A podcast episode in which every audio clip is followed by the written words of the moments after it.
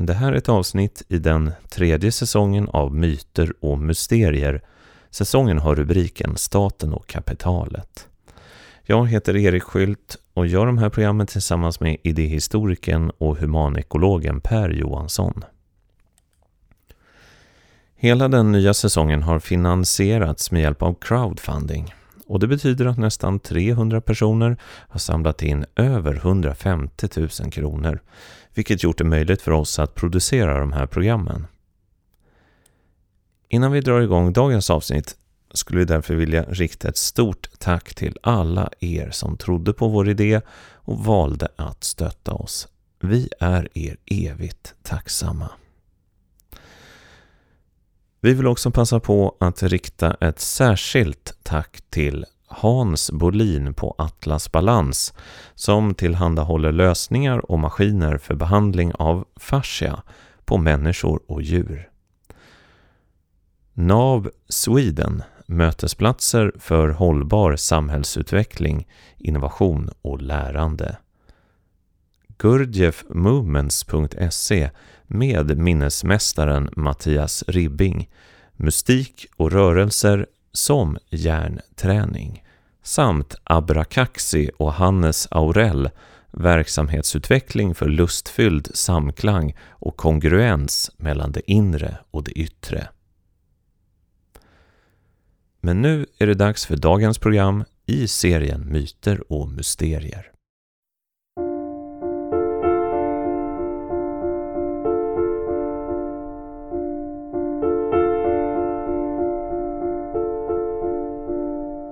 Det finns något hisnande över det som döljer sig nere i djupen. Enorma fyndigheter nästan som underjordiska hav. Ja, ned i mörkret har människan sökt sig och vi gräver allt djupare för att finna det bränsle som varit så centralt för den moderna civilisationens framväxt.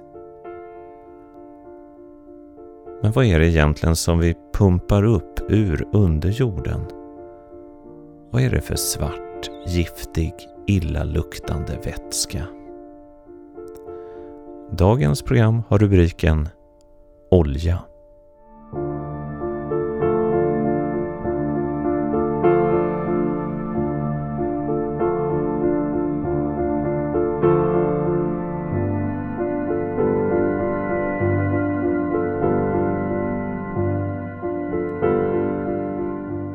Börja med en historia som väl får berättas lite i omgångar här. Som handlar om valar, ångmaskiner och brittiska flottan och olja. Det är nämligen den progressionen som man kan säga ligger bakom oljans moderna historia. Och jag vill göra en all, allmän anmärkning först. För att det är ju intressant det här när man berättar historier om historien. Hur man än berättar en historia om någonting som historiskt har skett så gör man ett visst urval från ett visst perspektiv, ett visst syfte. Och på det sättet är det, är det ganska lätt att konstruera en berättelse som låter som om den hänger, håller, hänger ihop. Eh, och det, är det här tvistar ju naturligtvis historiker om då. Eh, hur hur pass väl stämmer den här historien vi berättar om historien, vad som hände, med vad som faktiskt hände? Och det låter som ett eh, inte nödvändigtvis svårt problem. För det är väl bara att ta reda på vad som hände då, så vet man om historien stämmer eller inte. Så är det ju tyvärr inte riktigt då, eftersom vad som hände i sig är diskutabelt. För att, det är ju, att någonting har hänt, att ett visst skeende har ägt rum, betyder ju inte nödvändigtvis att man förstår skeendet. Att man bara konstaterar det hände, jaha, en sen då, skulle man kunna säga om allting.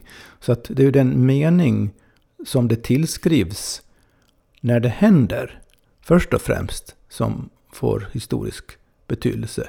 Men inte ens där räcker det. För att den mening som vi i efterhand, historiegeneration efter historie, historikergeneration efter historikergeneration tillskriver någonting, ändrar ju på sätt och vis. Kanske inte själva händelsen ändras ju inte, men innebörden ändras. Jag vill bara säga det som en brasklapp nu för alla historier vi på ett eller annat sätt kommer att berätta i den här serien. Och har berättat i andra serier för den delen. Eh, men det betyder inte att den här historien nu då saknar substans eller ligger mycket i. Men det finns naturligtvis andra sätt att berätta det här om. Om vi börjar med valarna. När europeiska invandrare kom till Amerika på 1600-talet, ja det börjar ju tidigare, men den här historien börjar på 1600-talet i Nya England. Så visade det sig att eh, ursprungsbefolkningen där brukade koka olja av valspäck som var väldigt användbar till allt möjligt. Allt från belysning till att smörja saker, maskiner och annat. Verktyg. Och det där tyckte jag européerna, wow, det där var ju bra. Så för att göra den i och för sig på sitt sätt, långa historien kort, så utmynnade detta från 1700-talet och framåt framförallt i en veritabel valfångstindustri. Vars främsta syfte i början var egentligen två produkter. Dels olja, dels eh, råmaterial till korsetter som man fick från en val som kallas för rätval som var den populäraste valen att få, få tag i. Just av den anledningen, för efterfrågan på korsetter till den tidens fina damer var så stor. Det var en speciell val som vi oftast känner under namnet kaskelott. Som även har, går under namnet spermacetival. Som blev extra värdefull sen. Eh, I huvudet på en kaskelot finns ett, en substans som man kallar för spermaceti som den rena spermacetin är en fantastisk råprodu- rå, vad säger man, råmaterial, råvara för ljustillverkning. Klart brinnande ljus som inte rinner. Väldigt angenämt, ty, klart vitt sken. På dessa ljus uppstod en stor efterfrågan. För kravet på Bra belysning ökade kolossalt i och med den moderna utvecklingen. Med allt bokläsande och bokförande och ekonomiska aktiviteter av olika slag så måste man kunna jobba under bra ljus även när det var mörkt. Så efterfrågan på ljus var väldigt stor. Och spermaceti-ljusen blev en sorts kvalitetsnorm för hur bra ljus skulle vara. Även senare när de första glödlamporna tillverkades så hade man ljuset från spermaceti-ljus som eh, norm så att säga för detta är ett bra ljus. Nu var spermaceti väldigt dyrt så det var inte alla som hade råd med det och det kunde inte eh, tillverkas i hur stora mängder som helst naturligtvis. Men man upptäckte att en bitprodukt av spermacetitillverkningen var någonting som man på engelska kallar för whale oil. Vi kan väl kalla det för valolja nu då. Eh, och den här valoljan blev, var i mycket större mängder. Det kunde man också göra fina ljus. Inte riktigt lika fina ljus som av den rena spermaceten. Men också väldigt fina ljus som dessutom luktade gott. Man brände dem. Och man kunde, vilket var det viktiga ekonomiskt nu då. Man behövde inte stöpa ljus av den så att säga. För spermaceten måste man göra ljus av som sen fraktades som ljus. Men oljan kunde man frakta som olja och utvinna direkt på fartygen. Vilket kommersialiserade den här valoljeproduktionen kolossalt. Så eh, när det här nådde sin kulmen så var det många hundra valfångstfartyg som egentligen var ute på haven i enda syfte att fånga valar för att få den här oljan. Den här oljan lyste alltså upp städer som London, början på 1800-talet. Man gick på en gata i London, början på 1800-talet, så var gatlyktorna lystes upp av den här valoljan. Jaha, så att det här är då före eh, gaslyktans sken? Ja, eh, det, det, är mer än jag har i huvudet nu. Men, men det var alltså en, en väldigt stor produkt. Men den var, hade, hade ju vissa problem. Dels så fanns det inte hur många valar som helst. Dels eh, var den, även om spermaceten var dyrast, så var det ju ändå inte direkt billigt då. Mitten på 1800-talet så uppfann, uppfanns en petroleumprodukt som heter fotogen. Kerosin på amerikanska. Fotogenet hade ungefär samma egenskaper, ljusegenskaper, som den här valoljan. och var oerhört mycket billigare. Så väldigt snabbt så ersattes fotogenet som ljuskälla. Och det kunde gå väldigt fort eftersom lamporna behövde inte ändras särskilt mycket rent tekniskt. Konstruktionsmässigt mm. kunde man använda i princip samma lampor. Man bara bytte ut någon enkel, enkel komponent så kunde man använda samma lampor. Så den här omställningen från valolja till fotogen gick väldigt fort mm. när det gällde belysningen. Sen, sen i, i, samma veva då från mitten, slutet, framåt slutet av 1800-talet så utvecklades ju också då diesel och bensinmotorer som ökade efterfrågan på petroleum. Men skulle man kunna säga att eh, i början av den här perioden så lystes då Europa upp av valolja. Det är ju också då vi har upplysningen som historisk ja. Eh, mm, period. Ja. Så det är egentligen valarna som man har att tacka för ja. upplysningen. För att jag menar upplysningen, det, det, det är ju förstås en... Eh, det handlar om en samhällsförändring och det, det, kan ju vara en inre upplysning det handlar om också. Men rent praktiskt så var det ju också att det blev ljusare på kvällarna ja, ja, visst, visst. i olika hem. För ja. att man hittade nya typer av ljuskällor. Okej, det... Man kan säga också mm. nu då från valarnas synpunkt så kom fotogenet i grevens tid. Ja, det förstår jag. För att jag menar så frukt... Det, det fanns säkert otroligt mycket val på 1700-talet i haven. Jämfört med nu, ja. Jämfört med nu. Men jag menar, det är ju ändå en ändlig eh, resurs, om man säger så. Ja, nu är visserligen, som vi har märkt under, från slutet av 1900-talet och framåt, så olja verkar också vara en petroleum mera lätt tillgängliga och lätt Raffinerade petroleumprodukter är ju en ändlig resurs det också. Men det såg man ju liksom inte alls från början naturligtvis. Precis, men vi är där i alla fall i slutet av 1800-talet. Ja, vi är i mitten av 1800-talet ja, mm. nu då och framåt. Och, och, som sagt, först, den första petroleumprodukten som, som eh, det var stor efterfrågan på var foto, fotogen. Lysfotogen ja, till lampor då. Mm. Ja, och, och Senare har ju fotogen kommit att användas också som bränsle. Bland annat flygmotorer och andra motorer. Men det är en senare historia. Under tiden här nu då, ungefär samtidigt så förändras ju sjöfarten radikalt. När man går över från maskindrivna fartyg till maskindrivna fartyg från segelfartyg. Och det, då, grunden för det är ju då ångmaskiner som eldas med kol.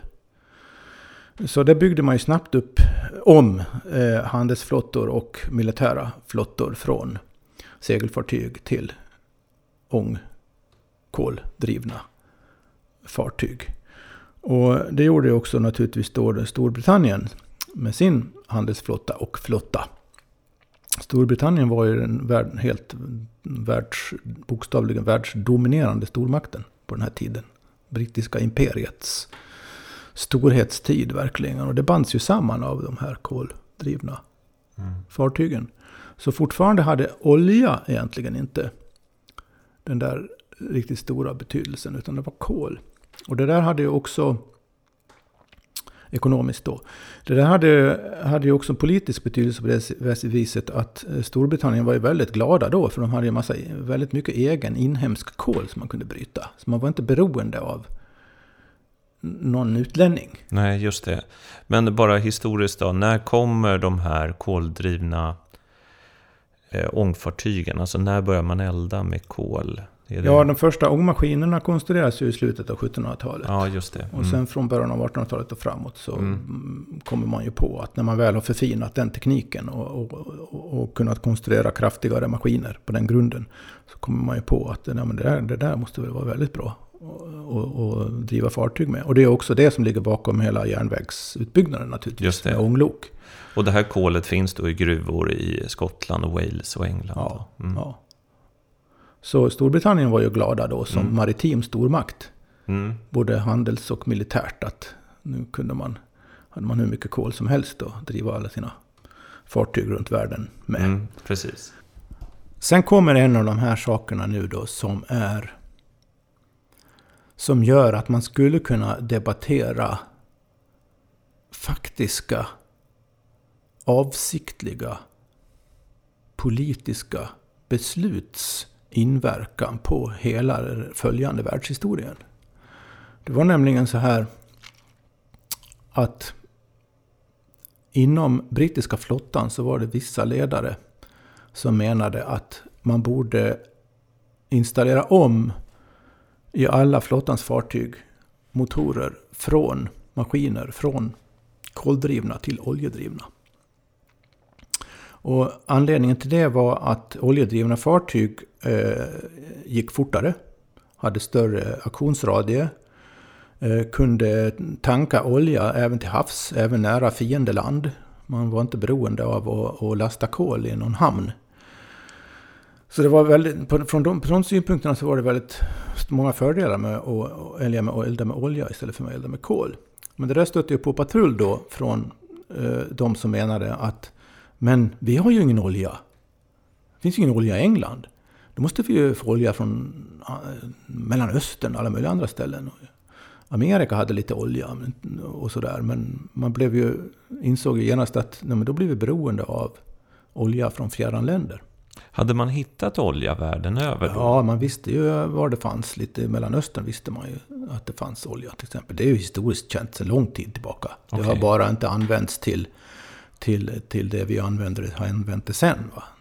Jag menar, även under medeltiden och ännu tidigare så har, har ju de här oljefälten varit de som ligger mest öppet i dagen så att säga, har ju varit kända. Så att det är inte så att man inte visste att det fanns. Men den där användningsmöjligheten fanns ju inte förrän maskinerna, maskinerna kom. Och andra oljedrivna maskiner kom. Man började liksom tänka i de banorna och såg att oj, här är en helt ny teknisk möjlighet som öppnar sig. Men det här med brittiska flottan nu då. Det var ju en debatt då om hur man skulle göra. Skulle man ha oljedrivna eller koldrivna militära flottfartyg? Avgörandet fälldes av Winston Churchill som blev högsta chef för marinen. I början på 1900-talet, jag tror det var 1911, som han blev First Lord of the Admiralty, som de kallar det. Och han Churchill bestämde att nej, vi ska ha olja. Vi ska, för att redan då hade man börjat känna av Tysklands ekonomiska expansion och därmed ökade geografiska expansionsvilja också. Så imperiet kände sig hotat av Tyskland. Redan då började vissa tänka på att det skulle nog kunna bli krig här. Eh, så i vissa kretsar kom inte första världskriget som en total överraskning skulle man kunna säga. Man började förbereda sig för möjligheten några år innan. Och en av de förberedelserna var det här beslutet att gå över från koldrivna till oljedrivna fartyg. Och det visade sig sen också, då gjorde man då alltså. Och oljetillgången var det som i princip en av de där faktorerna som i stort sett, totalt sett, kom att avgöra första världskriget. För att när USA gick med i kriget efter några år så fick man på köpet med sig USAs oljetillgångar också ju. Och tyskarna svarade med att försöka sälja, sänka, sänka så många skepp som möjligt mm. med ubåtar man byggde på den tiden. Första ubåtarna var, byggdes just för att sänka, eller alltså förstöra, störa det här oljeberoendet. Här då börjar ju, efter andra, första världskriget då, så var ju alla medvetna om det här. Olja är den viktigaste strategiska resursen mm. i hela världen, mm. militärt sett. Och det som är den viktigaste strategiska resursen militärt sett, det är också den viktigaste ekonomiska resursen. För i grund och botten är det militären som ligger bakom att, ekonomin. Ja. Det kan vi gå in på i andra ja. program sen, ja. för att det, det, där är något man liksom har en liten tendens att, att förneka nästan. Och liksom, vad ska vi säga, retuschera bort under någon sorts allmän progressiv historieskrivning. Att eh, hur, vilken otrolig roll militära beslut har, strategier har, har betytt för den ekonomiska utvecklingen. Men efter, så, så här är då liksom extremt förkortat och förenklat, men med visst fog för sig ändå, historien bakom varför världen ser ut som den gör idag. Och det har med oljans strategiska betydelse att göra. Mm. Men eh, problemet för de här europeiska staterna blir ju då att det finns ju inte så mycket olja i Europa. Nej. Förutom i Nordsjön. Ja, Rumänien finns ju. Ja, På finns, den här tiden okay, var ju ett ja. av de länder som hade olja då. Mm. Ryssland också. Precis, men eh, Nordsjöoljan, nej den hittades ju senare. Ja, men det, det verkar senare. ödet har gjort så att just här, Ja. i denna del av världen, finns det inte de här de- stora oljefälten i Den alla fall. högsta kvaliteten och mest lättillgängliga oljan, förutom på vissa ställen i Central och Sydamerika, var ju i Mellanöstern. Är fortfarande i Mellanöstern. Så, så eh, praktiskt taget allting som politiskt, militärt är förknippat med Mellanöstern har med oljan att göra. Mm. I den här strategiska betydelsen.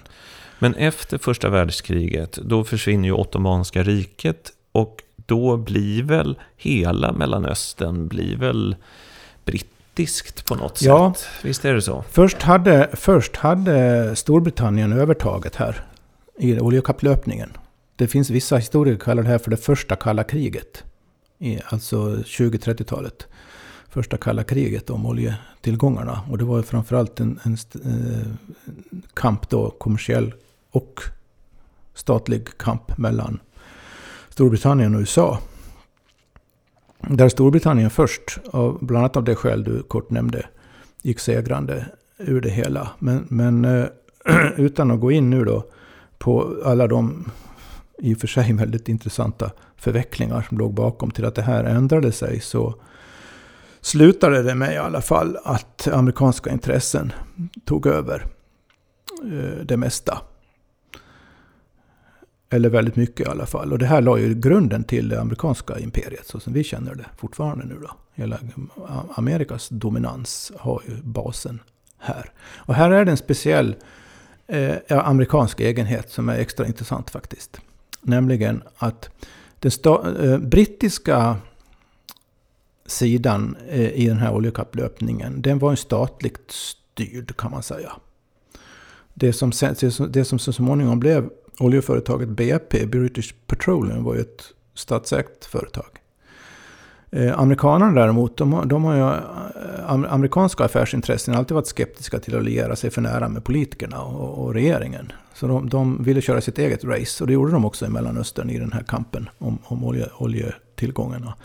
Eh, det var de stora amerikanska oljebolagen som drev på. Och i praktiken kom att fungera som politiska aktörer och diplomatiska aktörer. Fast de bara egentligen var ute i sina egna affärsintressen. Eftersom den amerikanska regeringen inte, de vill inte ha den inblandad i det här. Och det här är då, återigen, lång historia kort. En viktig bakgrund till att eh, de amerikanska kommersiella oljeintressena har så otroligt stort politiskt inflytande i USA. Utan dem så hade Amerika inte uppnått sin imperiella, Mm. imperialistiska position. Så för, företagen har, har fortfarande ju, en, inte- ett par av de senaste presidenterna har ju, Bush-släkten har ju sin förmögenhet grundad i oljan till exempel. Men om man säger så här, ba- bara för att göra det otroligt enkelt. Ja, det är alltid bra. Ja. jag. Varför är olja så otroligt centralt då? Är det att det, det är så lätt att ta upp, så lätt att frakta och det finns så mycket energi i det? ja, det är så extremt eh, hög kva- Mm. Mm. Det går liksom inte att tävla med. Ja, och det är det som börjar bli ett problem nu då, när, när det mesta av den här högkvalitativa oljetillgångarna har redan exploaterats. Så man, det är därför man börjar eh, eh, leta efter betydligt mer, lägre kvaliteter på kärsand och allt möjligt som, som skulle kunna fortsätta täcka världens oljeberoende. Och de här största oljefälten finns då i ja, Mellanöstern, Saudiarabien, Kuwait, runt... Ja, och sen Venezuela till exempel är ju ett annat Ja, det ställe där det finns. Men jag menar de fyndigheterna, jag försöker bara visualisera Ja. det här. Man tänker ju en oljekälla. Mm. Då tänker jag att det är ungefär som en brunn som man har på gården. Att man borrar lite och så finns det någon slags vattenmagasin mm, 100 meter ner. Så pumpar man upp det. Men jag menar oljan har man ju pumpat i 100 år nu. Oerhört mycket. Det måste ju vara oceaner av Ja, olja. det är det uppenbarligen. Ja, Väldigt mycket. Från början var det ju så. Då var det ju väldigt ytligt. Man borrade en bit och så sprutade det olja ur Ja. hålen ju. Så, så har man kunnat borra djupare och djupare på mindre och mindre tillgängliga ställen. Ofta är ju också, och det här, har, det här är ytterligare en sak som kan vara bra att ha i bakhuvudet när man vill förstå politiska möjligheter. För det har också en relation här mellan kol och olja. oljeutvinningen sker ju nästan utan undantag på väldigt otillgängliga isolerade platser. Långt bort från städer och folk och man liksom ser inte dem och de är otroligt starkt bevakade. Man kommer inte i närheten. Ser dem i fjärran som upplysta öar i öknen eller något. Pipelines då som fraktar till exempel från, från Irak till Medelhavet. Samma sak där, går genom ödemark, står, står i princip hela vägen. Ingenting man eh, kommer åt sådär direkt. Det bara rinner där. Hamnarna likadant. Raffinaderierna. Väldigt isolerade, otillgängliga, svårtillgängliga platser. Kräver ganska lite, relativt i förhållande till energiinnehållet skulle man kunna säga, väldigt lite personal. Till skillnad från olja då, där gruvbrytningen är väldigt arbetsintensiv. Du menar kol? Ja, förlåt. Ja. Kol menar ja. jag naturligtvis. Ja. Till skillnad från kol då, där brytningen är väldigt arbetsintensiv. Eh, tillgänglig för många människor. Eh, frakterna likadant. Eh, allt som har med kol att göra är, är, är arbetsintensivt. Och det, det, är ingen slump då att, att kolfacken, fackföreningarna, har haft väldigt stort politiskt inflytande, inte minst i Storbritannien. Mm och på andra ställen där kolbrytning har skett och sker. Så finns det alltid den här möjligheten att arbetarna säger att nej, om inte vi får som vi vill så slutar vi bryta mm. kol. Och då, det är inte så bra då, tycker de som vill använda kolen till olika nej. saker och ting. Och den, ja, precis. Och kolfälten ligger också ofta sådär naturskönt som i Tyskland. Ja. Att de måste flytta någon medeltidskyrka och tre byar som legat där i 5000 år. Så det inte, gör det mindre populärt. Men oljan då, hela oljeapparaten, hela oljelogistiken då, har en helt annan rent fysisk karaktär som inte gör den lika politiskt sårbar. Så oljeekonomin är politiskt otillgänglig för demokratiska krafter jämfört med kolekonomin. Mm. Det tycker jag är intressant. Mm. Hur, hur, det finns till och med de som menar att det här är en bakgrund till att så mycket politiska aktioner fortfarande är så totalt tandlösa. Man kan demonstrera och argumentera och orera i oändlighet och det verkar inte som det händer någonting. Det är nästan som om det är någon sorts underhållning bara. Det har inga stora effekter på de faktiska energiomsättningarna. Nej, för att det egentliga blodomloppet då, som är den här oljeutvinningen och oljetanksen som körs och ja. pipelinens, de eh, man märker inte av det. Nej, det, den är, det, liksom en infrastruktur dold. som... Ja. Hur, hur, hur, om man tänker efter, hur, hur många... Man kör bil, man åker tåg, man promenerar i någon stad. Hur ofta har det hänt att man överhuvudtaget passerar någonting som har med det här att göra? Man ser en och annan tankbil och en bensinstation naturligtvis. Men det är ju de bara slut konsumentändarna av det hela. Var är allt det här liksom? Det, denna ekonomiskt politiskt helt centrala komponent. Hela apparaten kring det hela är väldigt fördold. Mm.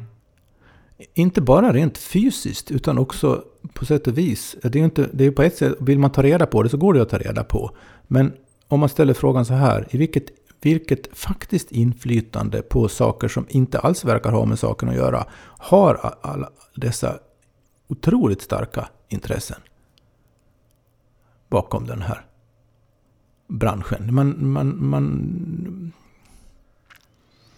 Nej, exakt. Hur, om bara om jag försöker fundera på hur ser Sveriges oljeförsörjning ut? Var bestäms den? Var förhandlas den fram? Ja. Det är en väldigt central sak förstås. För, för, så här, apropå det här, det här jag sa om, om de demokratiska krafternas möjlighet att direkt påverka olika energislag, kol respektive olja, genom aktiva åtgärder.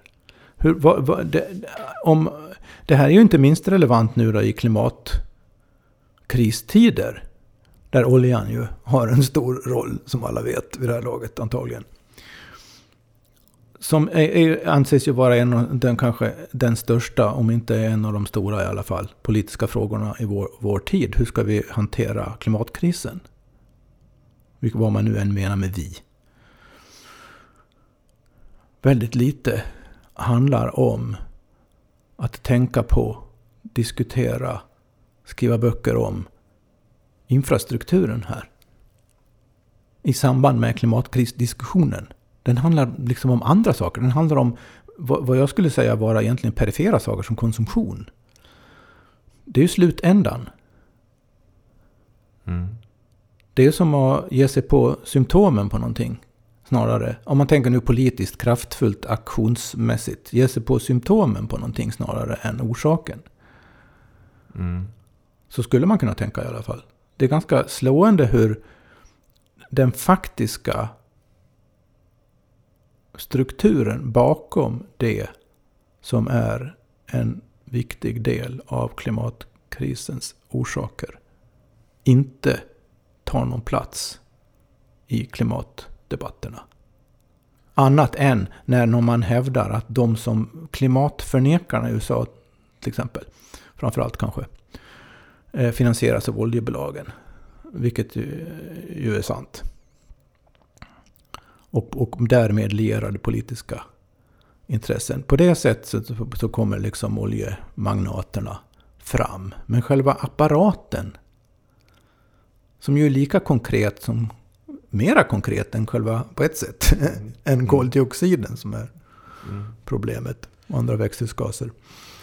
Men rent historiskt då? Alltså, den moderna världen behöver energi. Den behöver enorma mängder energi. Eller hur? Ja, det är det som ja, är ja. moderniteten.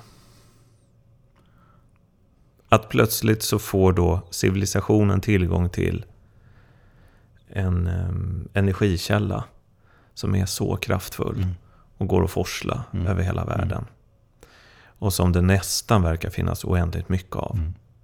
Och kan användas till så många olika saker. Allt från att tända en liten fotogenlampa till att driva ett flygplan eller en supertanker. Ja, tänk eller ett plast, jetflygplan. Tänk på all plast vi använder som till stor del kommer från... Allt kommer från organiskt material men stor del kommer just från petroleumrelaterade Precis. Substanser. Är plast någon typ av olja? Kan man säga det? Ja, det kan man säga. All plast är ju, det är ju har ju sin grund i organisk kemi. Så du kan ju göra, du kan ju göra plast av, av vilket organiskt material som helst egentligen. Men den, den billigaste och mest lättillgängliga formerna av, av, av, av råmaterial för plast det är olja det också i en eller annan form. Mm. Plast är ju... Eh, har varit i alla fall. Ja. Plast är ju lite magiskt material. Ja. Det är väldigt hållbart. Ja. Det går också att använda till det mesta. Man kan göra nästan vad som helst med plast. Ja. Det är ju synd att allt det här har ett pris. Var glad, eh, människor måste ju verkligen varit glada i början av 1900-talet eller fram till 60-talet eller ja. sådär. När man tänkte att wow, nu har vi bara fått det här. Ja. Allt som människan har drömt om i alla tusentals år. Att bli mättade, att bli värmda, att, att kunna förflytta sig.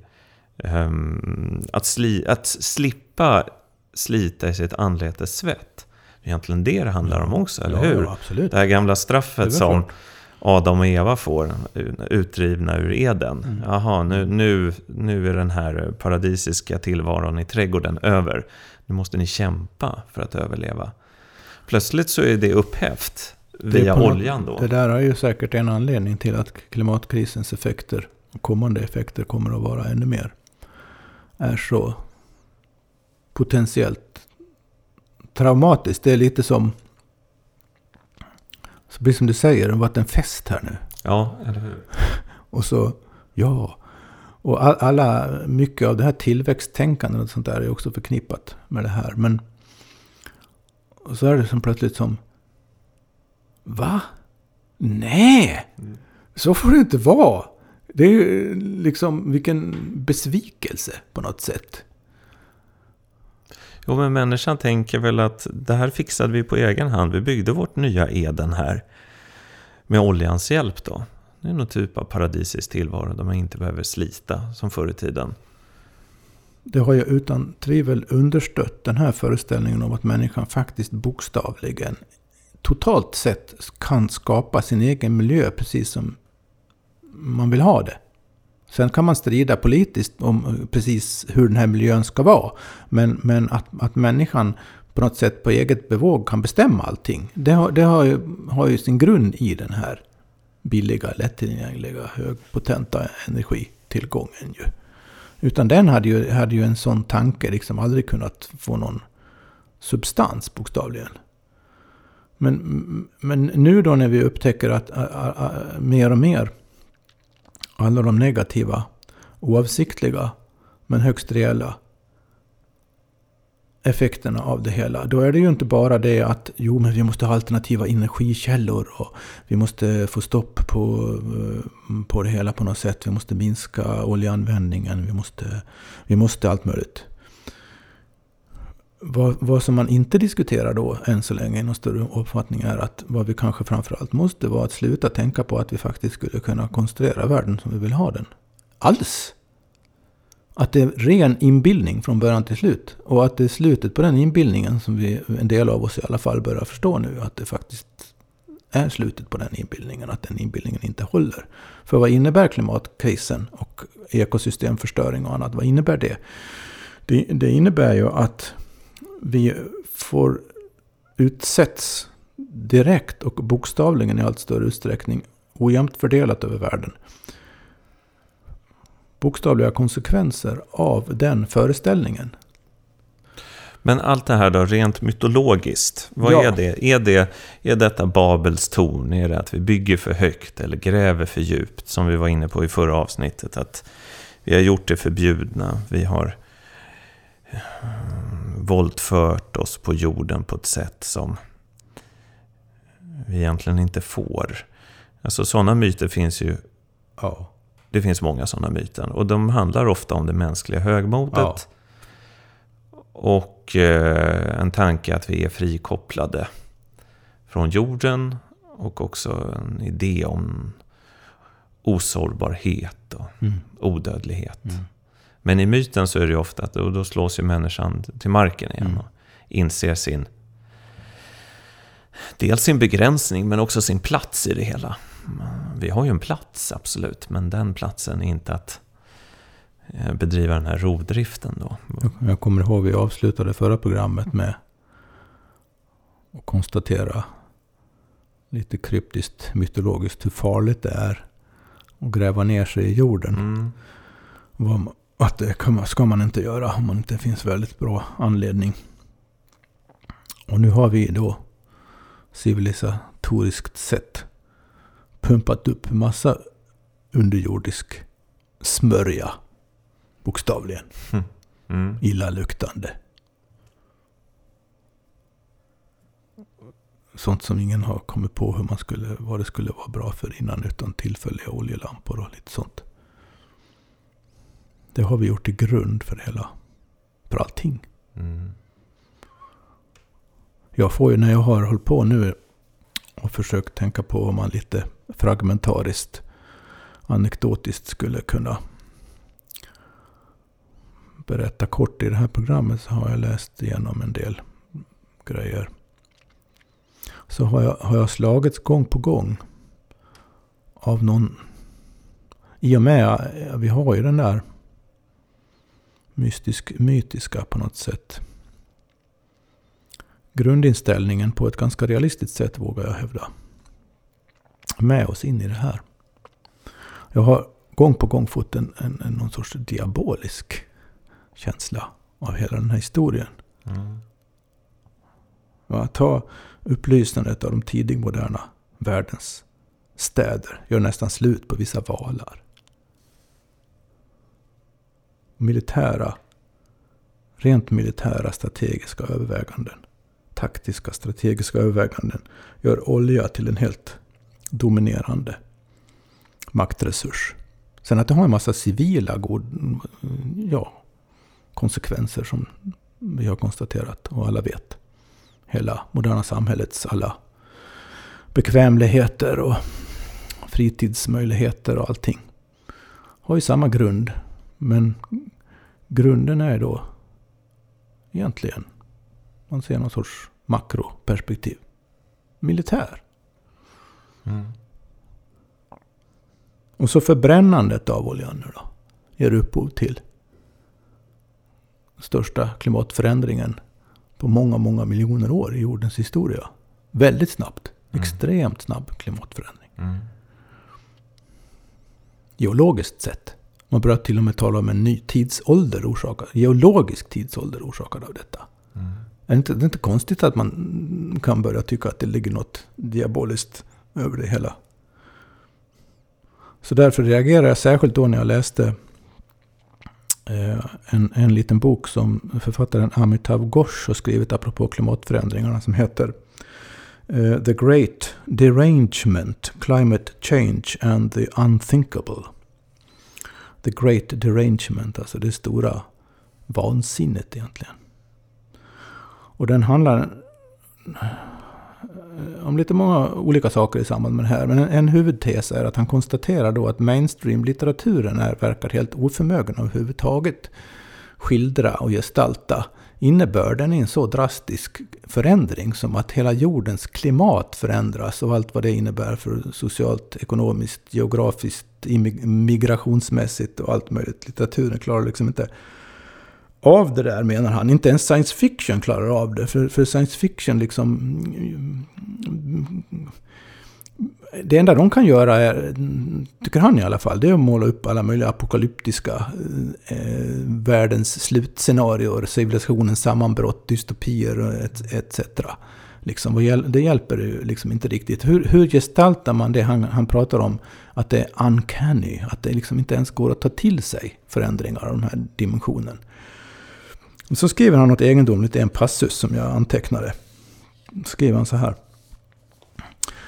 Den globala uppvärmningens motstånd mot att gestaltas konstnärligt börjar djupt under jorden.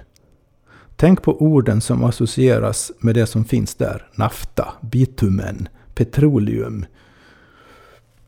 Ingen poet kan göra dessa ord sköna. Och tänk på själva substanserna, kol och det sot det ger mm. upphov till. Och olja, segflytande, illaluktande, motbjudande för alla sinnen.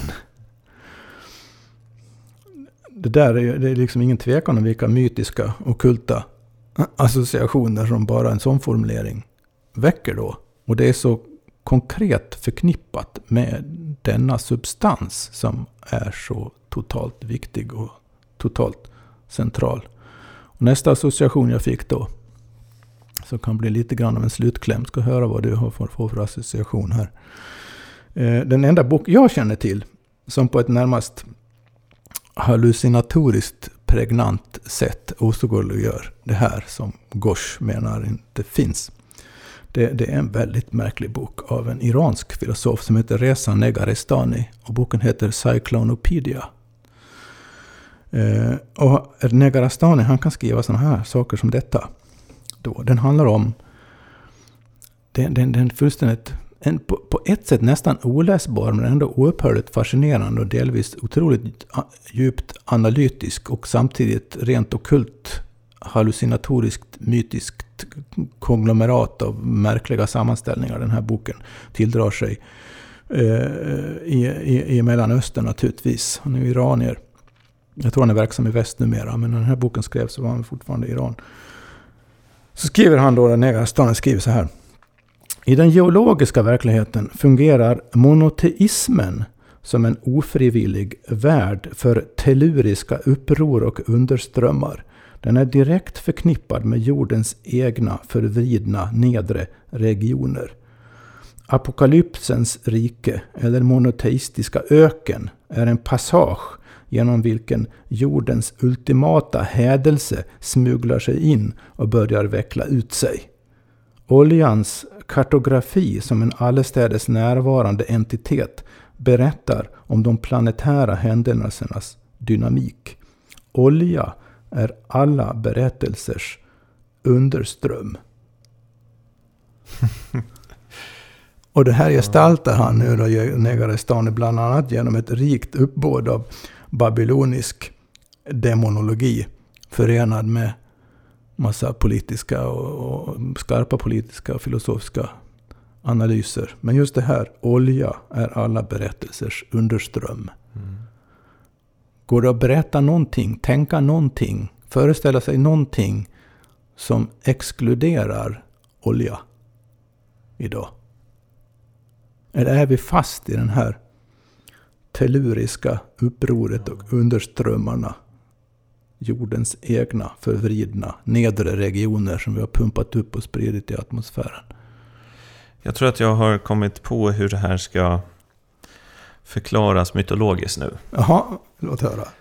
Jo, men om man går tillbaks till de gamla berättelserna här. Underjorden är ju underjorden. Den måste ju få finnas. Mm. Vi, ska inte, vi, vi, kan inte ta bort underjorden. Nej, det är svårt. Den finns. Det går till och med att gå ner i underjorden. Ibland. Viss, ibland vissa hamnar ju där, då får de ta sig ut. Och vissa måste igenom den. Tänk bara i Sagan om ringen där de försöker gå över bergspasset, det går inte. Saruman bevakar det med sin makt på något sätt. Så de måste gå igenom Moria. Till och med Gandalf blir ju rädd. Så går de där. Och möter massa faser. För Gandalf går ju inget bra. Han dras ju ner av balrogen. Men resten kom ju ut. Ringen kom ju ut på andra sidan. Mm, mm. Det var lite läskigt. Ja. Men det gick ju i alla fall. Ja. Och det finns ju liknande sånt. Orfevs är nere under jorden och så det går väl sådär, men han, han kommer ju upp igen. Ja. I alla fall. Så att underjorden är underjorden. Och den skulle man ju symboliskt kunna då säga allt. Att det, det, det kan ju folk själva tänka vad man vill förpassa till underjorden. Mm. kan man göra till en psykologisk bild av människan också. Och sen har vi den här, den vanliga världen. Och sen så har vi ju himlen då. I alla fall kristna berättelser så är det ju himmelriket. Vi dras upp. Så är det ju ofta i berättelser att man strävar uppåt mot solen, mot ljuset. Mot himlen. Men, och här kommer då poängen. Vad är det här med oljan egentligen? Man pumpar upp den. Man använder den. Var hamnar den sen? Den stiger ju mot himlen. Just det. Först tror man att det här är inget problem, det är ju bara koldioxid, det är inte giftigt. Ja, man kanske inte ska befinna sig i ett rum med bara koldioxid, det är inte så bra. Det verkar inte så farligt. Så kommer det mer och mer. Och till slut så blir ju, har ju faktiskt himlen samma substanser som underjorden. Förstår du? Jaha, det är det, det som är mytologiskt. Ja, ja. Underjorden är underjorden. Den kanske måste finnas. Men när underjorden släpps upp, förgasas och hamnar i himlen som ett lock ovanför våra huvuden. Det är då vi börjar få problem. Just det. Det är som om det är två krafter. Mm. En, låt oss kalla det en himmelsk kraft, en andens kraft och mm. en underjordens motkraft. Mm. Och världen här på ytan, i mellanskiktet, måste befinna sig i någon sorts balans mellan de två krafterna som innebär att andens kraft överväger. Mm. För annars blir det för destruktivt när den andra kraften mm överväger. Och om den andra kraften bokstavligen sprider sig i atmosfären, förutom i alla sinnen och psyken, mm. på olika sätt. Ja. Och tänk också på vad som har hänt med människosynen på hundra år.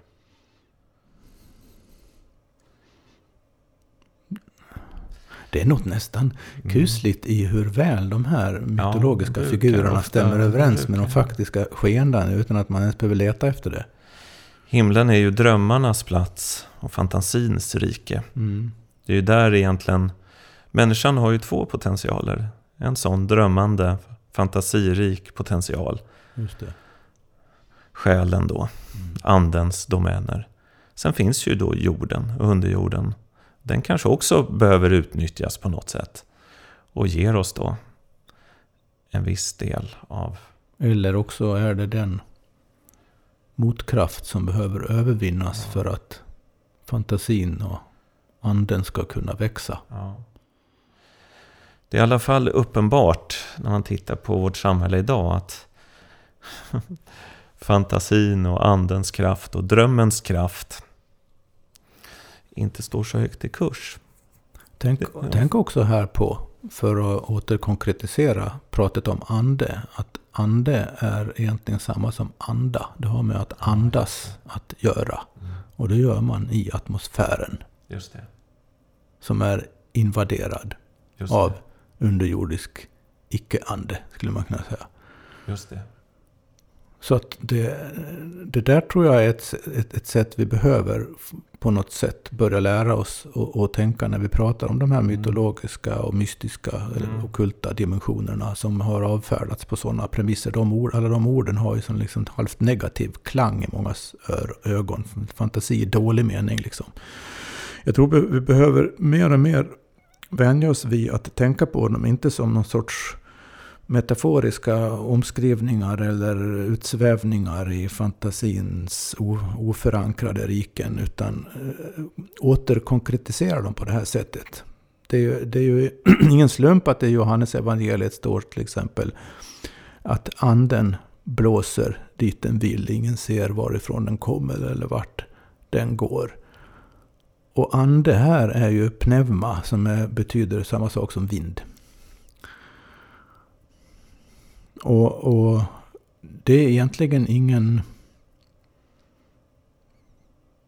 Allt det här inom citationstecken andliga har hela tiden en konkret dimension som vår, vår kartesianskt dualistiskt präglade institutioner och tänkande har lärt sig av med och se att den kopplingen finns. Om man tänker ekologiskt dessutom, som jag ofta har anledning att påpeka för att börja få människor att förstå lite grann att det här med ekosystem är ingen abstrakt teori, utan, eller ekologi. Ekologi är någonting som äger rum i varje andetag man tar. Hur då? Du, vi är delar av samma ekologi som allting vi är i kontakt med och som omger oss, levande varelser och allting. På, inte som någon sorts systemkomponenter utan som faktiska medandare i det hela. När du andas är du en del av ekologin. Du andas in syre och ut koldioxid. När man äter stoppar man i sig omgivningen. Och när man skiter så ger man lite tillbaka till omgivningen. På det sättet så passerar allting genom oss hela tiden. Mm. Samma sak är det med sinnesintryck. Ja. Så det där är viktigt menar jag. Mm. Och hela, att aldrig någonsin lämna den insikten att vi bokstavligen är ekologin. Det är inte miljön där ute, där, där man har kör, kört bil utifrån stan och det börjar bli grönt. Då börjar inte ekologin börja liksom inte där. Ekologin är här, där du är nu.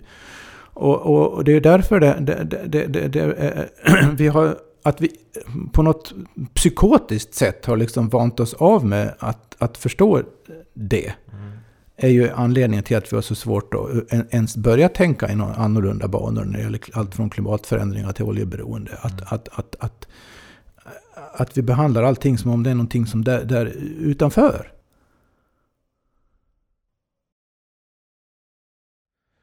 Du har hört Myter och mysterier, ett program finansierat med hjälp av crowdfunding. Vi vill avslutningsvis tacka Marianne Holmberg som förmedlar föreläsare genom Holmbergs talare. Och så Axel Bolin på Atlas Balans som tillhandahåller lösningar och maskiner för behandling av fascia på människor och djur.